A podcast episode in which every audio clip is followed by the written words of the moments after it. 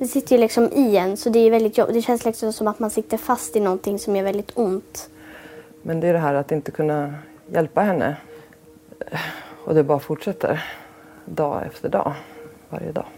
Vi vet inte idag hur många som eh, lider av eh, långtidsbesvär efter covid-infektion. Egentligen vare sig hos vuxna eller barn. 11-åriga Eva Jakobsson brukar vara full av energi. Men efter hösten 2020 blev hon så förbytt och plötsligt orkar hon nästan ingenting. Eva är ett av alla barn som förbryllar läkarna. Möt teamet som nu helt fokuserar på postcovid hos unga och vad viruset gör med dem på lång sikt. Välkommen till Studio DN Dokumentär. Vi åker in till akuten.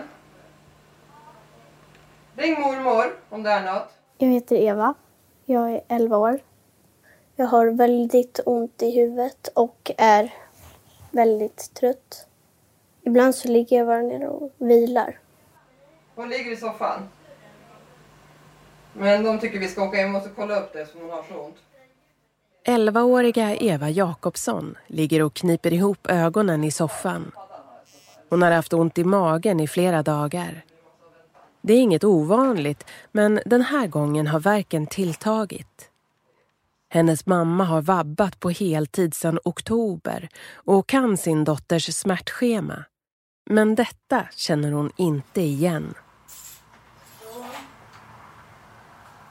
Det svåraste det är ju att, att eh, känna sig maktlös och att inte liksom kunna hjälpa till. Om man har ett barn huvudvärk eller feber eller vad det nu är så att man kan åtminstone ge lindrande behandling i Alvedon eller i Ipren. Liksom. Men att just att inget hjälper och att inte kunna göra något. Man, man känner sig maktlös helt enkelt. Och ingen annan heller kan hjälpa till. Inte ens läkarna vet ju liksom, har ju något, råder ju något bot på tröttheten och, och det här. Kroppen måste förstå att nu ska den... Jag heter Olof Herting och är överläkare på barninfektion på Karolinska Universitetssjukhuset. Det första som förvånade mig var väl att eh, eh, den här gruppen överhuvudtaget fanns. Eh, vi hade naturligtvis räknat med att se långdragna besvär såsom efter vilken infektion som helst men att eh, det blev mer än vad jag hade trott. Yes. Eh, jag, tänker, jag instämmer i mycket av det som redan är sagt. I november 2020 började Olof Herting få rapporter från vuxensjukvården. Patienter som utreddes för postcovid berättade att deras barn inte blev friska. Först blev han inte förvånad. I sitt arbete möter han sådana barn regelbundet. Infektioner, både bakteriella och virala, kan påverka kroppen många månader efter insjuknandet. Men allt fler vittnesmål kom och när oroliga föräldrar började vända sig direkt till Olof Herting och hans kollegor på Astrid Lindgrens barnsjukhus i Stockholm där det finns stor erfarenhet av ovanliga barninfektioner blev beslutet enkelt. Ja, men jag tänkte det här är en eh, chans som jag bara måste ta. Det är ett eh, nytt virus, det är nya symptom, det är barn och ungdomar som inte mår bra. Hur skulle jag inte kunna vilja gå in i det här? I ilfart byggde han och hans kollegor, inspirerade av hur vuxna patienter med misstänkt postcovid utreddes på samma sjukhus, ihop ett team av barnläkare, barnsjuksköterska, fysioterapeuter, kuratorer, psykologer och en dietist. Inledningsvis var det 20 barn som togs emot och de var alla tydligt fysiskt påverkade. Majoriteten hade varit sjuka i omkring ett halvår. Det absolut vanligaste det är den här eh, stora förlamande tröttheten. Jag heter Amanda Lindholm och jag är reporter på Dagens Nyheter. Det beskriver nästan alla, alla som utreds på den här mottagningen i Stockholm, men också Eva som inte ingår i, den här, i det här projektet i Astrid Lindgren eh, som bor i Västerås och som lider av det här. Det är väl mest hela tiden nästan. Jag orkar inte göra så mycket så jag försöker göra det mesta jag kan. Den sitter alltså väldigt mycket i pannan men det förflyttar sig ibland. Men det sitter mest i pannan. Man kan liksom, jag kan liksom inte göra någonting åt det för att det ska bli bättre. Och smärta som är konstant, det är ju jättejobbigt. Men man blir ju lite nervös här, när ska det här gå över? Liksom, hur länge ska det hålla på? Eftersom att det är väldigt jobbigt, det håller ju på liksom varje dag. Flera barn hade också ihållande halsont. Många hade huvudvärk. Vissa tappade hår. En del hade ont i magen, hudutslag och oregelbunden puls. Under ganska lång tid så testades ju barn eh, alls inte för covid-19. Och många av de här barnen som nu utreds för post-covid eh, insjuknade först under eh, våren. Och väldigt många av dem blev inte testade.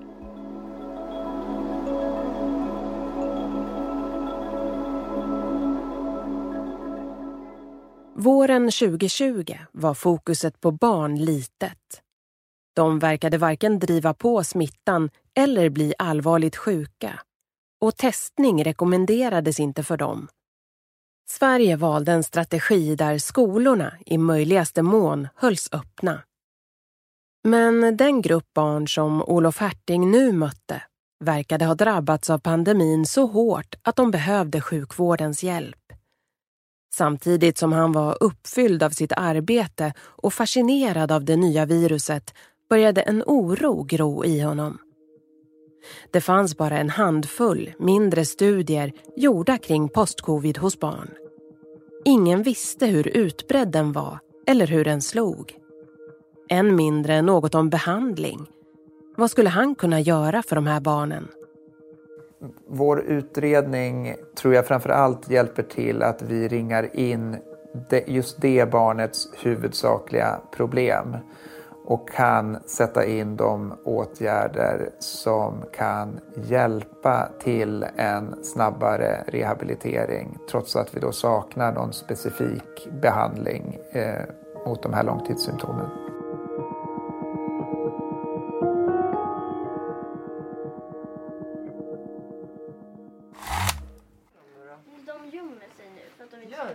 jag ser den där i varje fall. Det var i mars förra året som Eva, hennes tvillingsyster och mamma blev sjuka. De beskriver det som en ihärdig förkylning. Um, och um, ja, men de, de tror ju då att det var covid-19 men de testades inte för det då. Um, under våren så fick hon problem med kraftiga utslag och en hel del andra symptom och sen så i i höstas, i, i augusti, så blev hon jättesjuk och sängliggande. Um, och uh, hennes läkare tror att, eller han, han säger att det här är uh, hennes symptombild är förenlig med, med långvariga symptom efter covid-19, så det är det hon, hon utreds för. Hästtjej, teatertjej, full av energi, liv, mycket fart. Liksom, och hur, hur det liksom, allt blev förändrat. Eh, i, ja, redan i våras men ordentligt då så blev det ju från augusti kan man säga när det började bli påtagligt dåligt.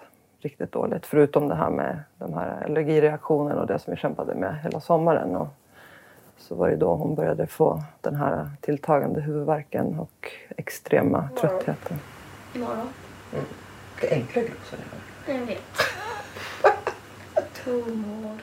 Hon prövade att gå till skolan någon dag då och då under hösten men blev så trött att hon fick ligga i flera dagar.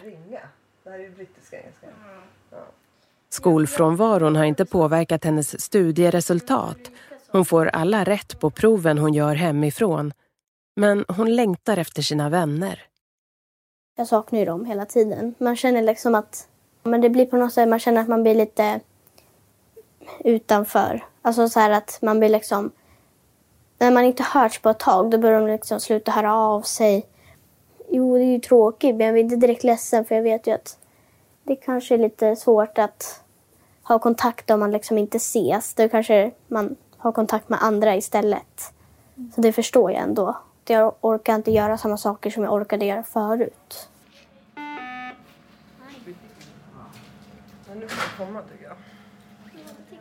I Västerås, där Eva Jakobsson bor, har hon fått lämna flera blodprov, träffat en fysioterapeut och en kurator, undersökt hjärtat och gjort magnetröntgen av hjärnan.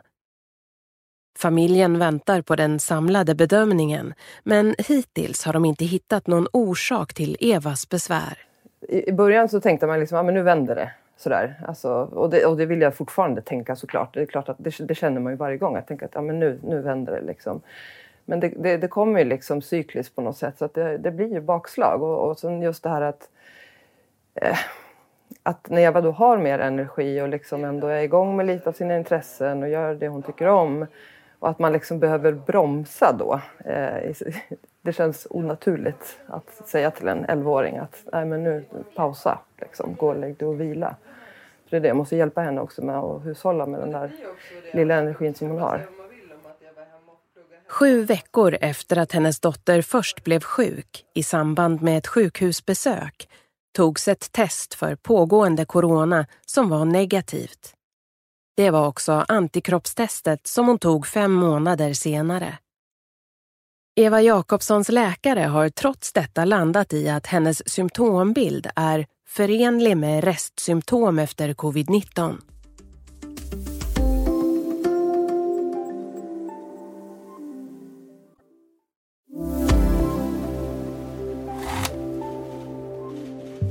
Vi har nu en stor ökning i många delar av Sverige. Eh, förra veckan tog vi beslut om allmänna råd i Uppsala. När teamet på Astrid Lindgrens barnsjukhus väl hade kommit igång så slog den andra pandemivågen till med full styrka.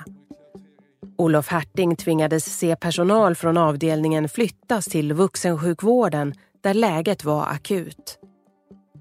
Samtidigt stod han och hans kollegor mitt i mötet med ett nytt virus som ständigt överraskade dem. Och med allt fler barn som sökte sig till mottagningen. Ja, men som barninfektionsläkare så är det här ju ett eh, unikt tillfälle att eh, se hur den här gruppen drabbas. Vi har ett virus som inte eh, mänskligheten har stött på tidigare. Det betyder att man måste vara väldigt öppen för eh, olika nya symptom och eh, eh, sätt som människor kan reagera. Flera av barnen som kom in i ett tidigt skede började teamet nu se en förbättring hos. Men hoppet kunde snabbt släckas. Ett barn som börjat komma tillbaka till skolan eller orkade fler aktiviteter kunde plötsligt bli liggande igen. Eh, det svåraste är ju att ha ett tillstånd där vi inte har en färdig behandling. Eh, inte ett sätt som vi har utvärderat och vet att det här funkar. Det är, tycker jag som barnläkare, alltid otillfredsställande. Det, finns ju bättre dagar så och då, man känner ju, då känner man ju liksom, tänker, lite hopp. Tänker att nu kanske det vänder liksom. Och jag orkar med lite skola och hon orkar liksom vara uppe och umgås med sin syrra och ja, kanske till och med prata med någon kompis på nätet. Um, från att det till dagen efter liksom, så orkar hon inte knappt öppna ögonen och gå ur sängen. Det är ungefär så det ser ut. Större delen av dagen vilar Eva Jakobsson. Hon tar ingen medicin mot huvudvärken men en varm vetekudde på huvudet kan lindra. Vi får ge dem lite mer mat nu för, så att de inte äter upp de små fiskarna. Mm. För så fort de blir lite större då kommer de... Hon har ett akvarium bredvid sin säng och när huvudvärken håller henne vaken om nätterna så tittar hon på fiskarna.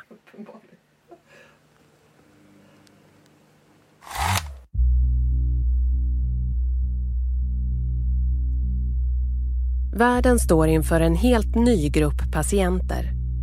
Teamet på Astrid Lindgrens sjukhus i Stockholm är det första i Sverige som undersöker hur det nya viruset påverkar barn på lång sikt. Det är också de som förväntas kunna svara på frågan vad ska Sverige göra för att hjälpa de här barnen? Det viktigaste vi har kommit fram till som jag tror att eh, andra delar av eh, vården och andra delar av eh, landet för den delen skulle kunna ha hjälp av det är just eh, sammansättningen av gruppen som jobbar med de här barnen. Och för oss har det varit absolut nödvändigt att ha fysioterapeuter och psykologer och kuratorer med för att kunna ge rätt råd till de här familjerna. Barnen stod långt ifrån centrum av pandemin under våren 2020. Olof Herting tror att detta, tillsammans med en allmän misstro som kan finnas kring symptom som framförallt drabbar kvinnor och flickor, kan ha påverkat familjernas möjligheter att få hjälp från vården. Det finns en infekterad debatt kring både Sveriges agerande för att skydda barnen mot viruset och om hur känsliga de är för sjukdomen. Bland annat uppmärksammades en överdödlighet bland skolbarn under våren som senare visade sig inte ha något med covid-19 att göra. Olof Herting säger att allt pekar på att en mycket liten andel barn blir svårt sjuka i akut covid.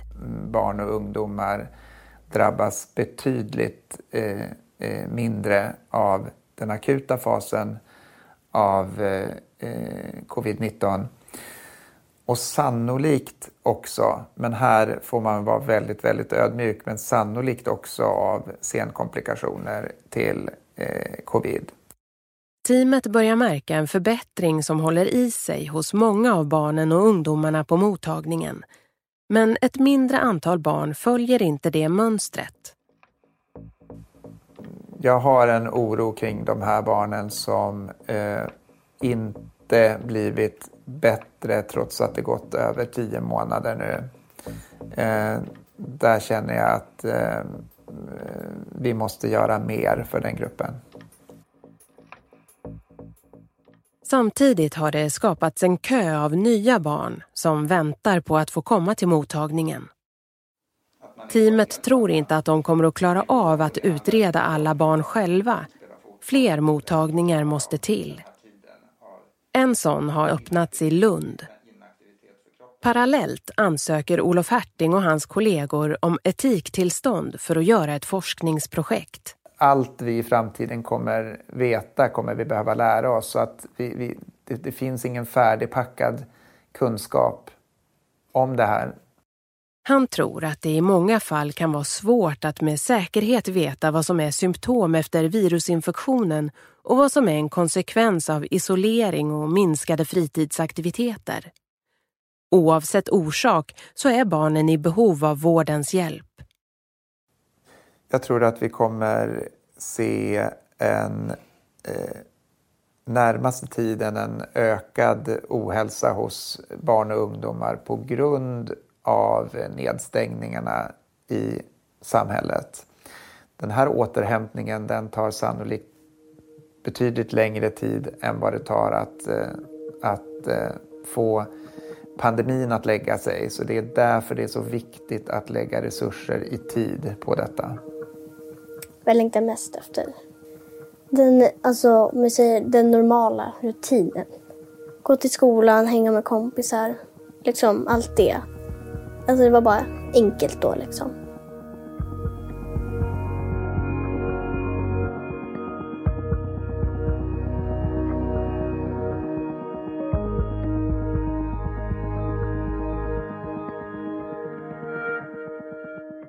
Det här avsnittet har producerats av mig, Maja Eriksson. Exekutiv producent var Malin Timan. Texten är skriven av DNs reporter Amanda Lindholm och publicerades i mars 2021. Lotta Herdelin var fotograf och redaktör var Matilda E Hansson. De medverkande var Eva och Therese Jakobsson och barninfektionsläkare Olof Herting. Klippen från tidigare Studio DN var producerade av Sabina Marmelakai och Amanda Lindholm var intervjuad av Sanna Thorén Björling. Berättarrösten var Susanna Levenhaupt från Beppo ljudproduktion. Ljudtekniker var Patrik Miesenberger och musiken var från Epidemic Sound. Det här var en produktion från Dagens Nyheter och Bauer Media.